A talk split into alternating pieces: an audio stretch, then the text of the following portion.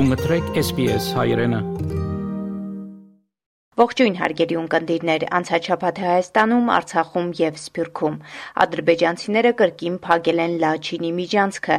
Հայաստանի վարչապետ Նիկոլ Փաշինյանը Ռուսաստանի նախագահ Վլադիմիր Պուտինի հետ հեռախոսազրույցում քննարկել է Լաչինի միջանցքում ստեղծված իրավիճակը։ Վարչապետ Փաշինյանը կարևորել է Հայաստանի եւ Լեռնային Ղարաբաղի միջև անխափան կապի ապահովումն այդ ուղղությամբ ռուսական խաղաղապահ առաքելության կողմից հետևողական քայլերի իրականացումը։ Անդրադարձ է կատարվել նաև տարածաշրջանային ենթակառուցվածքների ապաշրջափակման գործընթացին, ինչպես նաև եռակողմ հայտարարությունների կատարմանը վերաբերող հարցերին։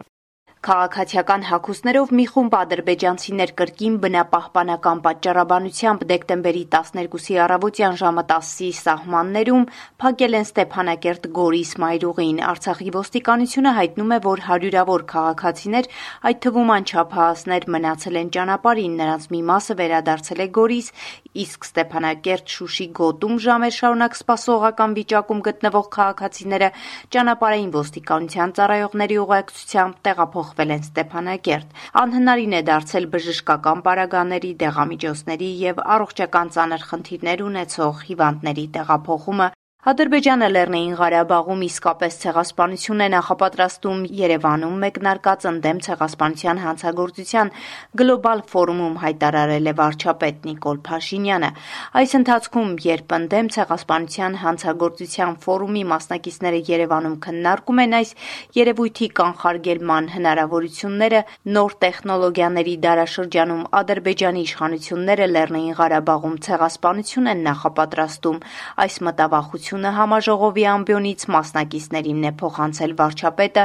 անդրադառնալով Լաչինի միջանցքի զարգացումներին։ Այսօր մենք տեսնում ենք հետևական գործողություններ, որոնք ավելի ու ավելի առարկայական են դարձնում մտավախությունները, որ Ադրբեջան Լեռնային Ղարաբաղում իսկապես ցեղասպանություն է կազմակերպում, նախապատրաստում։ Եվ այս առումով պիտի ընդգծեմ այն սադրանքները, որոնք տեղի են ունենում մասնավորապես Լաչինի միջանցքում եւ ոմանք փորձում են Լաչինի միջանցքը զուգահեռել տարածաշրջանում գոյություն ունեցող այլ կոմունիկացիաների կամ հնարավոր վերագործարկվելիք կամ կառուցվելիք կոմունիկացիաների հետ, բայց պիտի ընդգծեմ, որ Լաչինի միջանցքը հենց ցեղասպանության կանխարգելման միջանցք է, որովհետև փակել այդ միջանցքը, դադարեցնել այդ միջանցքի գործողությունը նշանակում է ըստ էության Լեռնային Ղարաբաղի հայությանը դատապարտել ցեղասպանության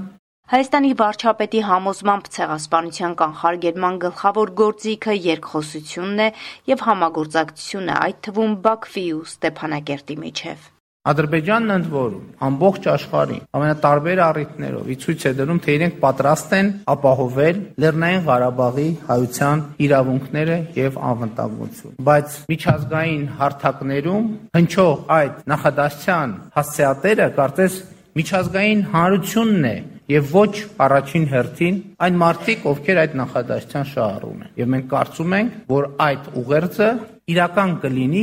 երբ այն լսելի դառնա Ստեփանակերտում, Լեռնային Ղարաբաղում, Լեռնային Ղարաբաղի հայության շրջանում։ Հայաստանի արտգործնախարար Արարատ Միրզոյանը հիշեցրել է, որ ֆորումը Երևանում պետք է տեղի ունենար դեռ 2020 թվականին, սակայն չկայացավ նաև Ադրբեջանի սանձազերծած պատերազմի հետևանքով, որը մինչ օրս շարունակվում է։ Այդ ագրեսիվ պատերազմի հետևանքները մինչ օրս հաղթահարված չեն։ Ավելին, նախորդ տարվա մայիսին ու նոյեմբերին եւ այս տարվա սեպտեմբեր 13-14-ին Ադրբեջանի կողմից հարձակման ենթարկվեց Հայաստանի ինքնիշխան տարածքը, ինչի հետևանքով տեղի ունեցան մարդու իրավունքների եւ միջազգային մարդասիրական իրավունքի կոպիտ խախտումներ, այդ թվում կյանքի իրավունքի, խոշտանգումների արգելքի, սեփականության, գերիների հետ վարվելակերպի։ Լաչինի ճանապարհով երթևեկությունը փակելու առաջին փորձն ադրբեջանցի իբրև թե բնապահպանները որպես բողոքի ակցիա իրականացրել են դեռ դեկտեմբերի 3-ին, այն ժամանակ խնդիրը մի քանի ժամ անց հարթվել էր ռուս խաղաղապահների միջամտությունից հետո դեկտեմբերի 12-ին ճանապարհը փակելու երկրորդ փորձն էր, իսկ մինչ այդ էլ դեկտեմբերի 10-ին նրանք փորձել են մուտք գործել Կաշենի հանքավայր։ Արցախ. Ադրբեջանը ցանկանում է կտրել վերջին կապն արտաքին աշխարհի հետ խեղտամա հանելով Արցախը, ասել է նախագահ Արայիկ Հարությունյանը, ընդգծելով, որ սա աննախադեպ մարտահրավեր է։ Ադրբեջանական կեղծ բնապահպանությունը ըստ էության երկու թիրախ ունի։ Առաջինը ամենաերևացողը Արցախի հայաթափումն է, հասունացող հումանիտար ճգնաժամի մասին է խոսում Արցախի մարդու իրավունքների պաշտպան Գեգամ Ստեփանյանը։ Ինչ գործ ունի բնապահպանական խնդիրը ճանապարհ փակելու հետ։ Այսինքն այս պահի դրությամբ Արցախում 120 հազար մարդ ուղակի զրկված է հումանիտար ցանկացած հասանելիությունից։ Եթե այս պահին Ստեփանակերտում որևէ մեկը շտաբ բժշկական աջակցության կարիք ունենա Երևանում, Գորիսում կամ այլ բժշկական հաստատություններում, ուղակի չի կարող։ Արցախի օմբուդսմենի պնդմամբ միջազգային հանրությունը անհապաղ պետք է արձագանքի Ադրբեջանի գործողություններին։ Եվ միջազգային հանրությունը խոսելու փոխարեն պետք է գործ Լեռնային Ղարաբաղի ազգային անվտանգության ծառայությունը դեկտեմբերի 12-ի երեկոյան հայտարարեց, որ Արցախի բնակչության տարհանման մասին Ադրբեջանը կեղծ լուրեր է տարածում նպատակ ունենալով խոճապ տարածել։ Իրավիճակը Ստեփանակերտ Գորիս ճանապարհին դեկտեմբերի 12-ի երեկոյան չի փոխվել վրաններում դիրքավորված ադրբեջանցիները շարունակում են մնալ Շուշի քարին տակ խաչմերուկում, իսկ Շուշի ստորոտում միջանցքի բացմանը սպասող մեքենաներ դեռևս կան, թեև դրանց թիվը երեկոյին մոտ արդեն նվազել էր։ Առավոտվանից մենք ստե սպասում ենք, որ պետք է թանք Հայաստան։ Կարալյոկ բարձած սպասում ենք։ Միրգն է մեջը փչանում է, էտա նայեք։ Ես նորից ասեմ, օզումը մզնեք հաշվի նստեցեք որպես հարևան։ Օզում չկ, խնդրեմ, ես խնդրում միջազգային գազམ་ակերպություններին, թող օզումա քաղաքացիական դիտորդն է ուղարկին։ Ոզում ռազմական տեխնիկա մուք մեր հարցերը կլուծենք։ Թույլ տվեցեք մուք մեզ պաշտպանենք։ Տվեցեք անհրաժեշտ զենքերը մուք մեր մեր հաշիվները կմաքրենք։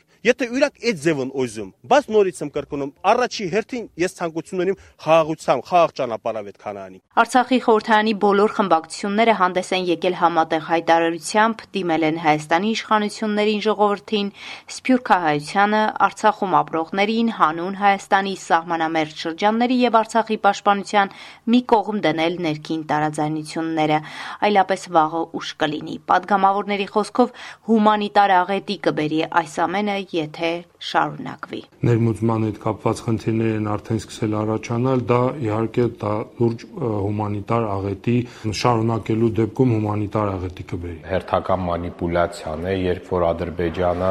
այս ամենը անելով փորձում է Արցախահայությանը նորից սոցիալական, հոգեբանական ճնշումներ եւ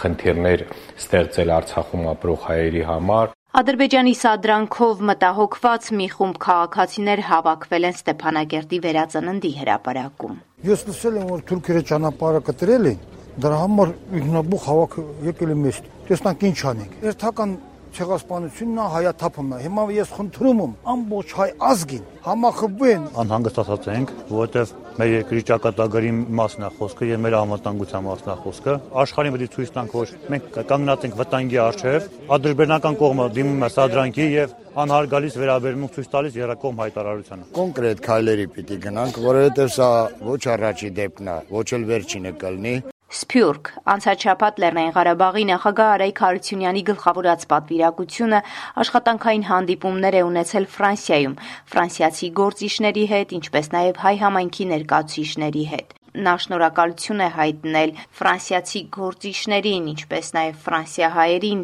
մշտապես Արցախի կողքին լինելու համար, նշելով, որ ֆրանսիահայերն առանցքային դերակատարություն ունեն ֆրանսիական իշխանությունների հետ կապերի զարգացման հարցում։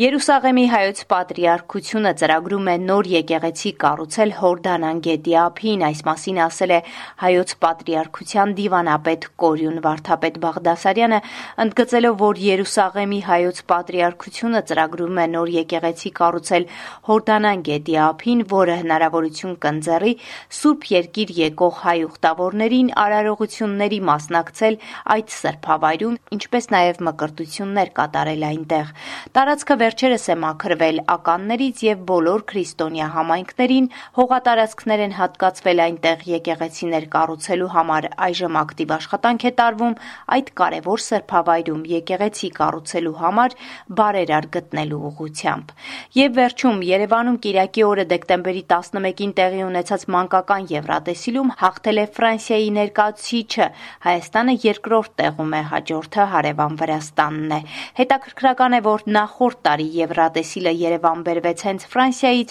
եւ կրկին հաջորդ տարի տեղի կունենա Ֆրանսիայում։ Այսքանը անցնող շաբաթ Հայաստանում, Արցախում եւ Սփյուռքում SBS-ի համար ամփոփեց Գիտա Էլիբեկյանը։ Կուզես լսել նման բանություններ, կընտրե Apple Podcast-ի, Google Podcast-ի, Spotify-ի վրա, կամ որտեղեն որ podcast-ը դուք լսես։